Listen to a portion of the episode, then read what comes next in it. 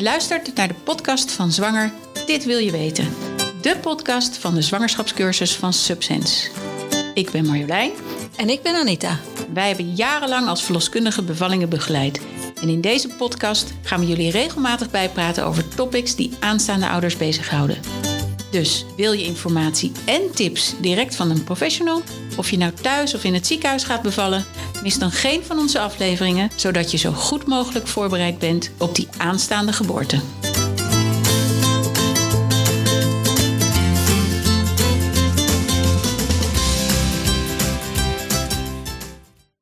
Daar zijn we weer. Ja, daar zijn we weer. Vandaag uh, een beetje een andere podcast, denk ik. Ja, we hebben gewoon uh, even wat uh, in de media zijn we aan het graven geweest. Ja. Want er is nogal wat te doen over bevallen en met name thuis bevallen. Ja, en heb jij die film gezien op Netflix, Pieces of a Woman? Nee, die is, dat is een, een film die behoorlijk goed gewaardeerd wordt. Hè? En veel mensen kijken hem, maar ik... Ik heb het maar niet gedaan. En Nee. jij? Jij dan? Nou, ik ben begonnen en eerlijk gezegd heb ik hem na een half uur, toen de bevalling eigenlijk afgelopen was, heb ik hem uitgezet. Maar ik heb meteen een comment zitten ergeren aan die, eh, aan die film. Ja. Ja, het is een, het is een thuissituatie en de verloskundige wordt eh, niet goed neergezet. Echt, zo gaat het niet in Nederland. En eh, er gebeuren dingen dat ik denk, het is echt weer zo een film die wil laten zien dat bevallen vreselijk is. En thuis bevallen een nachtmerrie. En thuis bevallen een nachtmerrie. En dat is het niet. Nou, ik bedoel, we ik- hebben toch jaren thuisbevallingen gedaan. En je hebt toch nooit met samengeknepen billen gestaan van... oh jee, Nee, kijk, thuis bevallen. Prima. ja, Wij als verloskundigen zijn er toch ook voor opgeleid. We hebben toch alle spullen bij ons. En we zouden dat toch nooit gaan aanraden als we er zelf te bang voor waren. Nou ja, precies. Dan heb je toch geen leven. Want dan, dan heb je altijd zo'n stress bij elke thuisbevalling. Dan kan je niet werken, lijkt mij. Nee. Maar dat gezegd hebbende, het is wel in Nederland zo dat het zo goed kan. Omdat in andere landen hebben ze een hele andere A, opleiding van een verloskundige. Ja, B, infrastructuur. Ja. Want hey, als wij bellen, staat er een ambulance op de stoep binnen een paar minuten. En je bent binnen een kwartier in een verloskamer. Ja, ja, en eh, ons zorgsysteem is daar ook op eh, ge- ingericht. Hè? Want je- wij bellen de, de gynaecoloog, die zorgt dat alles klaar is in het ziekenhuis. De ambulance komt. Nou, we gaan erachteraan. Hè? Ja. En niet altijd gaat de ambulance in, in beeld komen. Hè? Want dat denken mensen. Oh, oh, het is spoed en dan moet de ambulance. Heel vaak is er gewoon alle tijd om rustig naar het ziekenhuis te gaan. Precies, want kijk, het is natuurlijk zo dat voordat je gaat bevallen, wordt er eigenlijk al gekeken naar: ben je wel gezond genoeg? Is de baby oké? Hoe woon je? Want soms kan dat ook een reden zijn als je heel erg hoog in een Drie zo- hoog achter en de brandweer moet komen om jou horizontaal naar buiten te brengen. Ja, in Amsterdam al die trappetjes. En dan kun je maar beter in het ziekenhuis bevallen. Ja. Maar als alles, eh, als alle seinen op groen staan, ja, dan, Ja. Kun je, eh, dan kun je als je wil thuis bevallen. Ja. Maar die thuisbevalling, dat neemt ook steeds eh, af. Hè? Ja. Nu is 20% bevalt ongeveer thuis. En in 1958 was het 78% of zo. Nou, 78%, ja. ja. er is een mooi stuk over deze film en over het feit dat we in Nederland steeds minder thuis bevallen. Is geschreven in het NRC eh, op 25 januari. Ja, door nee, nee, van nee, niet Voorst. 25 januari. Nee, Rowanne van Voorst heeft het geschreven op 15 januari. Ja, 15 januari. Maar ik zou dat iedereen aanraden om, om te lezen, want daarin worden verschillende dingen belicht. Ja. Ja, dus de voor- en nadelen van thuis, maar zeker ook nadelen van het ziekenhuis. Ja, want het ziekenhuis is niet alles zaligmakend. En hoe je het went of keert, bevallen is een klus. En of je dat nou in je eigen omgeving doet of in het ziekenhuis, uiteindelijk gaat het alleen maar goed als jij je veilig voelt.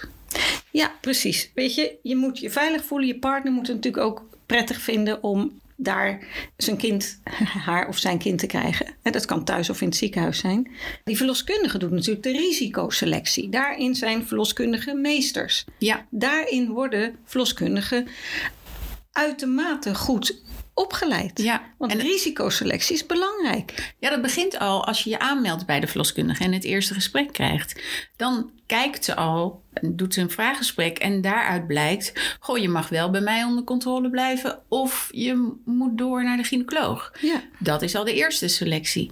Dan gaat je zwangerschap ge- gevorderd worden en dan zijn er legio voorbeelden te noemen waarin ze zegt: hey, dit is niet helemaal zo als het normaal zou moeten gaan. Jij gaat nu een keer een consult krijgen bij de gynaecoloog en de gynaecoloog die kijkt dan ook en die Mee, besluit. mee. Ja, Ja. die besluit of ja, je mag weer terug naar de verloskundige. Het is allemaal binnen de normaalwaarde. Of je gaat bij mij onder controle. Ja. En zo gaat het in de gehele zwangerschap door. En ook bij de bevalling. Zijn er nog van die momenten. Ja, je kunt als je thuis gaat bevallen, hè, dat vind ik ook wel even een, een klein puntje om te benoemen. Sommige mensen willen heel graag thuis bevallen. Prima. En als dat allemaal kan, ga je dat doen. Maar pin je er niet te hard op vast. Want een hoop mensen moeten toch ook tijdens de bevalling nog naar het ziekenhuis. Ja. En dat waar we het dan net over hadden, dat is dan niet per se met de bloedspoed naar het ziekenhuis. Want het kan ook maar net zijn dat de vliezen breken en, en dat er meconiumhoudend vruchtwater is. Ja. Hè? Dat de baby gepoept heeft in het vruchtwater. Daar Nou hebben we het al eerder over gehad. Ja, dus luister eens even naar eh, Help Mijn Vliezen zijn gebroken. Dat is een van de eerste podcasts die we gemaakt hebben, geloof ik. Ja, ja de, volgens mij de eerste. Maar daarin kun je natuurlijk ook goed, krijg je de tips van wat je dan moet doen. Maar dan heb je eigenlijk wel de tijd om eventjes je vluchtkoffertje, die je natuurlijk hebt klaargezet, te pakken en naar Ja. het ziekenhuis te gaan. Ja, weet je, als je thuis wil bevallen, niet kosten wat kost. Want ja, die kink die kan er altijd in de kabel komen. Ja, Bij eerste kinderen trouwens ietsje vaker dan bij tweede kinderen. ja dat klopt. Ja. Maar je moet sowieso, als je, als je gaat bevallen, of het nou in het ziekenhuis is of thuis. Mensen hebben natuurlijk tegenwoordig heel goed nagedacht over hun bevalplan. En dat noemen we dan maar weer bevalwensen. Hè? Ja. Maar je kunt je niet aan die- dat bevalplan houden. Tenminste, ja, jij kan het wel willen, maar het gaat zoals het gaat. Ja. Het is iets wat van de natuur is. Dus je kan je wensen hebben, maar je moet vooral ook weten dat je je flexibel moet opstellen. Ja, en als je van tevoren je bevalplan schrijft, ehm, zorg er dan voor dat je expliciete dingen die jij graag wilt erin hebt. Want er zijn heel vaak bevalplannen die ik lees of heb gelezen, waarin staat: ja, we willen de baby zo lang mogelijk bij ons houden. Dat zijn allemaal dingen die doodnormaal zijn voor de verloskundige. Dat is zeg maar al gesneden koek. Dat doen ze altijd al. Ja. Want ze zijn er voor jou en je kind. En ze willen het allerbeste voor jou en je kind.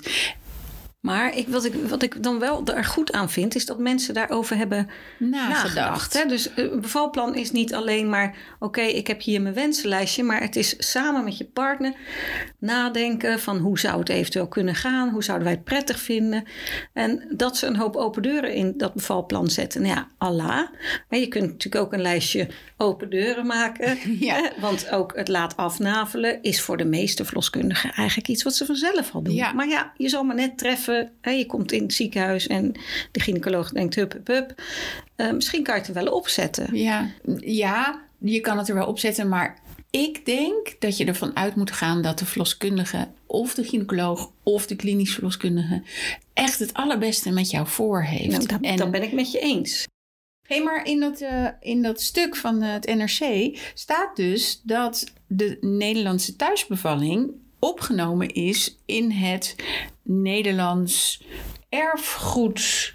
Ja, Ehm, hoe zeg je dat? nou, de, Het de Nederlandse immaterieel erfgoed. immateriële erfgoed, waar overigens ook de Matthäus Passion uit Naarden op staat. Ja, nou ja, ik weet, kijk, de Nederlandse thuisbevalcultuur is dus toegevoegd aan de lijst van Nederlands immaterieel erfgoed. Het klinkt leuk en denk je, oh wat leuk dat die Nederlandse thuisbevalcultuur daar staat. Maar die staat er juist omdat het iets is wat steeds minder Ja, weggaat. Ja, en het is natuurlijk een, een jarenlange traditie, en dan noem je het je erfgoed, dat mensen in Nederland thuis kunnen bevallen. Wat in andere landen natuurlijk vaak niet het geval is. Alhoewel, ik las ook in hetzelfde artikel dat in België en Canada. Kijk, Canada, daar bevallen mensen ook thuis. En ik herinner me nog dat er op een gegeven moment een oproep was, nou dat is jaren geleden, Marjolein, aan ons verloskundigen om in Canada een tijdje te gaan werken, om daar de verloskundigen te trainen, omdat ze Ja. die thuisbevalcultuur van ons wilden overnemen. Ja, maar het lijkt me wel moeilijk, want Canada is zo uitgestrekt. Dat kan eigenlijk alleen maar in de stedelijke gebieden. Ja, precies. Want wat wij dan altijd zeggen, hè, er moet wel op tijd een ambulance kunnen zijn. Het ziekenhuis moet niet te ver zijn. Ja, ik weet niet hoe dat aan Canada is, maar Nee. ze zullen wel daarover nagedacht hebben. Denk het Hoop wel. ik, hoop ja, ik. dat hoop ik voor ze. Ehm, maar wat is nou het fijne aan eh, onze thuisbevalcultuur? Dat is dat je kunt kiezen. Ja, wij zeggen altijd, je gaat bevallen waar je je veilig voelt. Ja, maar wat wij in de cursus wel altijd meenemen is dat, kijk, je kunt een hekel hebben aan het ziekenhuis. Ja, Maar je kan Ja, daar toch ik- nog terechtkomen. Ja, Hè, daar hebben we het net over gehad. Je moet toch bedenken dat er een grote kans is dat je wel in dat ziekenhuis belandt. ja. En daar hebben we het natuurlijk ook altijd over. En onze tips zijn dan: leer hoe je vragen kan stellen aan het ziekenhuis, zodat je weet waar het over gaat. Ja. Ook daar hebben we al een keer een podcast over gemaakt. En je moet, kijk, dat bevalproces heb jij niet in de hand. Het is niet een scenario, maar je kunt wel vragen: waarom gaan we dit doen? Waarom gaan we dat doen? ja. En wij zeggen ook altijd: maak het je thuis. Hè? In, Ja. eh, moet je wel naar het ziekenhuis? Nou, dan neem een aantal spullen mee en zorg dat je fijne muziek hebt of wat dan ook. En dat kunnen sommige mensen. Kunnen ze daar laatdunkend over doen? Hè? Ja, want, dat, dat, niet- is ook wel, hè? Want er wordt heel laatdunkend gedaan over de momfluencers. Ja, zoals bijvoorbeeld Nina Pierson Ja, en Rens Kroes. Nou ja, kijk, Kijk, ze kunnen misschien wel eens wat dingen zeggen. Hè? eh, Of dat, dat ze daar net verkeerd in zitten. Maar ik vind wel, ze staan wel voor iets. Vooral, ja, Nina Pierson kennen wij dan een, kennen Ja. een beetje. Die heeft bij ons ook een cursus gedaan.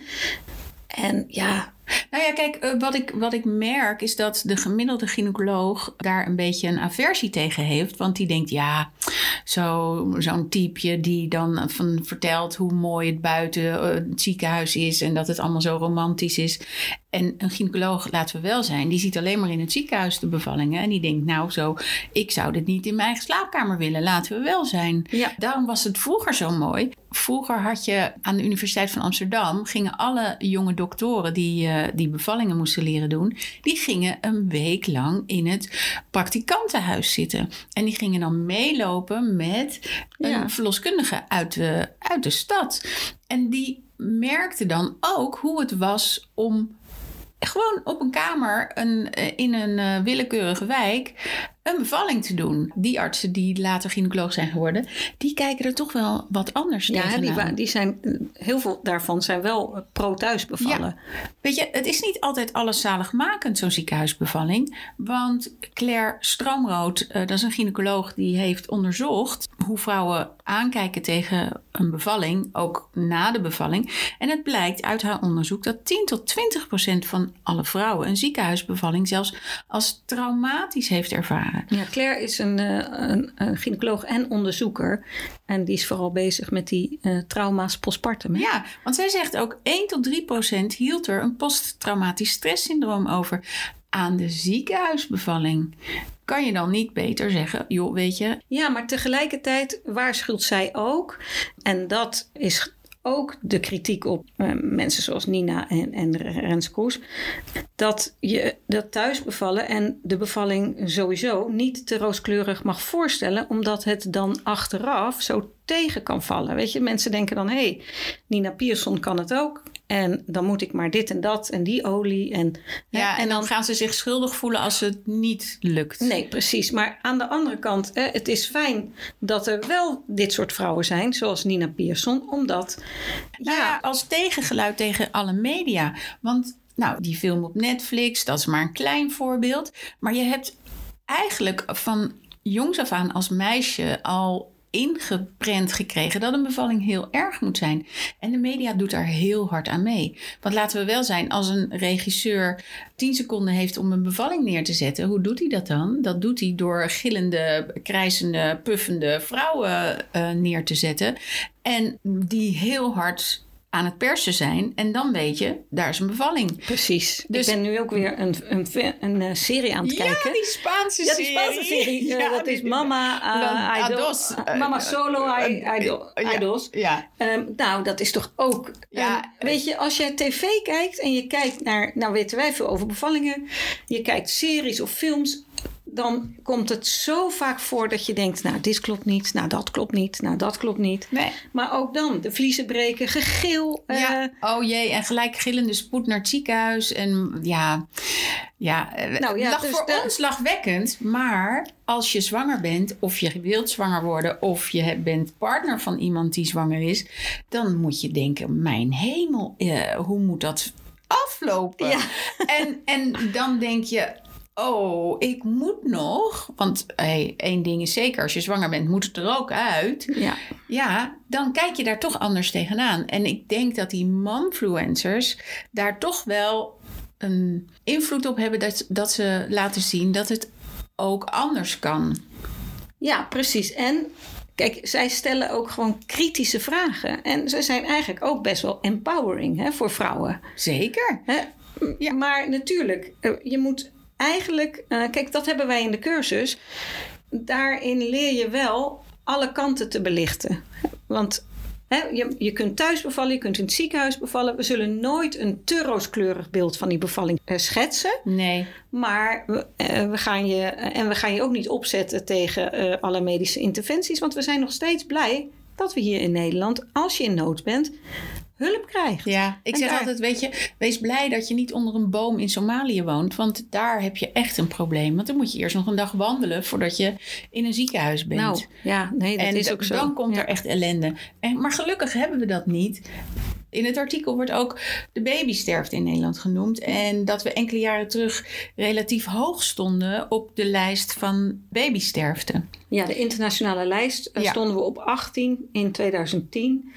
En in die tijd was er ook nog een of ander onderzoek gedaan in Nederland. En dan bleek dat de thuisbevalling... eh, maar dat onderzoek is verworpen, hè? Dat was helemaal want weet niet... je, eh, weet je, het is ook zo. Het wordt natuurlijk ook appels met peren vergeleken. Want mensen denken dan meteen: oh, maar dat komt dus door de thuisbevalling dat wij een hoge babysterfte hebben.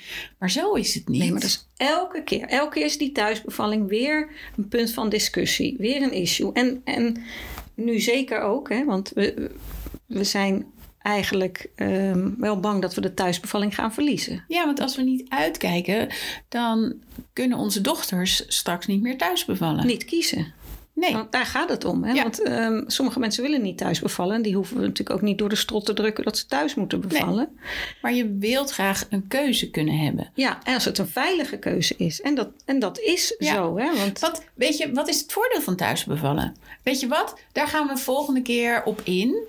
Want dan gaan we een keer een verloskundige uitnodigen die nou heel veel thuisbevallingen heeft ja, gedaan. dan kan die eens even vertellen Weet hoe je, dat want dan wij gaat. kunnen het wel vertellen. En jij hebt thuisbevallingen gedaan en ik. Maar eh, eentje die er gewoon re- recent nog in zit, is eigenlijk wel heel. Ja, Ja, is een nee, ander geluid eh, om dat te Hey, horen. maar wat ik nog wel even vind om terug te gaan, want we hadden het over die, als we op plaats 18 stonden, hè, daar waren ook eh, in 2010 waren we ook behoorlijk eh, terughoudend met echo's en dat is, dat is dus gewoon helemaal opgelost. Hè. Mensen mogen nu eh, standaard een aantal echo's, waardoor je zeker die structurele echo, de 20 weken echo, daarmee kun je ook al heel veel dingen ondervangen ja, en uitsluiten. behandelen. Nou ja, En Dat is dus wat, wat ik bedoel met in je zwangerschap komen er dingen, eikpunten voorbij, waarbij een verloskundige zegt: ho, tot hier en niet verder. Jij mag dus nu niet meer thuis bevallen. nee, En een van die dingen is die 20 weken echo. Ja, en die 20 weken echo die heeft er ook voor gezorgd dat we nu niet meer op de 18e plaats staan, maar om de 10, op de 10e plaats. Ja. Er waren een aantal dingen dat wij deden die echo's allemaal niet, dus we, we misten een aantal dingen. Eh, er kon ook wel gewerkt worden aan de samenwerking tussen de eerste en de tweede lijn, hè, want die uh, Ja, dat is ook is de eerste lijn. beter. Gewoon, er zijn allemaal audits gekomen. Dus met andere woorden, als er iets misgaat, dan wordt het retrospectief besproken met alle betrokkenen. Dus gynaecologen, er kinderartsen, eh, verloskundigen. Die gaan dan bij elkaar zitten. Niet om elkaar de zwarte piet toe te spelen, maar wel om te zeggen, joh, wat hebben we in dit geval beter kunnen doen? En, ehm, En zo krijg je ook een betere samenwerking. Dus Ja. door een betere samenwerking, er zijn ook praktijken die eens in de zoveel tijd een, een gynaecoloog ook op hun spreekuur doen ze samen spreekuur. ja, die heb je. Dus door een betere samenwerking, door die echo's, staan we nu op de tiende plaats. En dan kun je bedenken, dat is nog niet hoog. Maar dan geldt het met die appels en peren vergelijken. Ja. Want wij abstineren vaak. En wat is abstineren? Niks Ja. doen. Niks doen. Als een kindje veel te vroeg geboren wordt, dan gaan de betrokkenen kinderartsen, gynaecologen met ouders in gesprek van wat is hier verstandig. En Ja. in het buitenland zetten ze vaak alles op alles op alles op alles. En dat kindje redt het dan eh, voor een tijd. En het kan best zijn dat, eh, ja, dat zo'n kindje misschien een, een kortere levensverwachting heeft, maar wordt niet meegeteld in de, in de Nee. eh, geboortesterftecijfers. Nee, precies. Dus dat is, dat is het verschil tussen het buitenland en eh, met ons. Maar als we nou even kijken naar de voordelen van thuis, is bijvoorbeeld dat er minder medische interventies zijn. En dat er in het ziekenhuis dat je een grotere kans hebt om Ingeknipt. ingeknipt te worden, een infuus te krijgen, dat soort dingen. Nee, maar wat wel goed is van dat stuk, dus ik zou wel zeggen dat eh, ga dat lezen. Dat thuisbevallen is minder eng dan je zou denken. Want ja, dan, dan kun je toch even een goed beeld krijgen van ook de nadelen van een ziekenhuisbevalling. Wordt daar. eh, Ja, lees het eens. Want eh, dat is precies wat wij bedoelen. Dat, dat je beide geluiden moet lezen of horen. Dus en van de ziekenhuisbevalling, eh, maar ook van, van die momfluencers. Dan heb je een soort weegschaal en dan kan je voor jezelf besluiten... waar wil ik nou uiteindelijk bevallen? Ga een goede cursus doen waar ze je alles vertellen. Luister naar je verloskundige. Vertrouw op je verloskundige. Die heeft het allerbeste met je voor. En als zij zegt, joh, je kan echt thuis bevallen en dat, dat is veilig. Dan kan zij ook niet voorspellen of jij uiteindelijk thuis gaat bevallen. Laten we wel zijn, want zij kan niet in de toekomst kijken. Maar dan heb je voor jezelf het beste beeld over de bevalling. En, ehm, en dan heb je de keuze. En dat is wat, wat heel belangrijk is. Klopt, klopt. Nou hebben we dit artikel besproken. Hè? We hebben ook dat Netflix gebeuren besproken. We hebben dat Nederlandse erfgoed ook een beetje besproken. Maar wat ik nog even wilde laten eh, voorbijgaan is dat... Het is heel leuk dat het op het lijstje van het Nederlands immateriële erfgoed staat. En dat het behoort tot de Nederlandse cultuur. Maar daarop staan wel ook wel dingen die dreigen te verdwijnen. Ja. En nou lazen wij toch ook, voorkom de ondergang van de Nederlandse verloskunde. Ja. En dat is een stuk, en dat gaat erover dat de Nederlandse verloskundige zorg in de verdrukking dreigt te komen. Omdat verzekeringsmaatschappijen proberen nu contracten met ziekenhuizen te maken Ja. voor de gehele geboortezorgketen. En dat Ja. sluit eigenlijk de verloskundige dan uit. Ja, en dat is heel naar. Kijk, op zich, de verloskundige en de gynaecoloog moeten heel nauw samenwerken. En dat is het beste voor een goede verloskundige zorg. Alleen, het zou niet moeten dat een verzekeringsmaatschappij gaat vertellen waar iemand eh, zou moeten bevallen of wie de leiding heeft over die bevalling. Een verzekeringsmaatschappij is niet degene die daarover gaat. En, Die gaat ehm, over de centen, hè? Dus een de Uiteindelijk centen. denk ik dat ze beter uit zijn als ze de eerste lijn eh, betalen. Want de tweede lijn is vele malen duurder. Maar het- ik denk dat het een foute ontwikkeling is als de verzekeringsmaatschappij gaat bepalen eh, waar je als Nederlandse vrouw zou kunnen bevallen. Ja, want dat unieke zorg, eh, zorgstelsel wat we hebben, hè, waarbij eh, de gezonde vrouwen met een ge- gewone zwangerschap kunnen kiezen, thuis of in het ziekenhuis, dat is toch wel iets om te behouden. Ja. Vandaar dat erfgoed. Maar als dat gaat verdwijnen, dan gaat er wel een hoop verloren, denk Ja, ik. ja. En ik weet niet, heb jij dat stuk van Abdelkader Benali gelezen? Nee, heb ik niet dat, gelezen. Ja, dat is 15 december 2020 in het Financiële Dagblad. En als je dat leest als verloskundige, dan krijg je tranen in je ogen. Want hij, hij is dan bevallen. En hij eh, heeft het... Het was echt prachtig. Zachte woorden en ferme aansporingen. ja. Ook, ook wel leuk om te lezen hoor. En Ik dat ga het zijn we dan lezen. kwijt. Dat zijn we dan kwijt. Thuisbevalling staat op het immateriële erfgoedlijst. Omdat het gaat om een kwetsbare cultuur die het verdient om beschermd te worden. ja, zeker. En in dat kader gaan we ook Volgende week. volgende week een verloskundige interviewen. Maar eerlijk is eerlijk, de week erop gaan we een klinisch verloskundige interviewen. Ja, dus Zodat dat is we- degene die in het ziekenhuis werkt. Ja, dus zodat we beide kanten belichten. Oké, Want eh, ja, dat is wat wij, eh, wat wij voorstaan. nou, veel leesplezier. Oké, succes. Tot de volgende keer. Tot de volgende keer.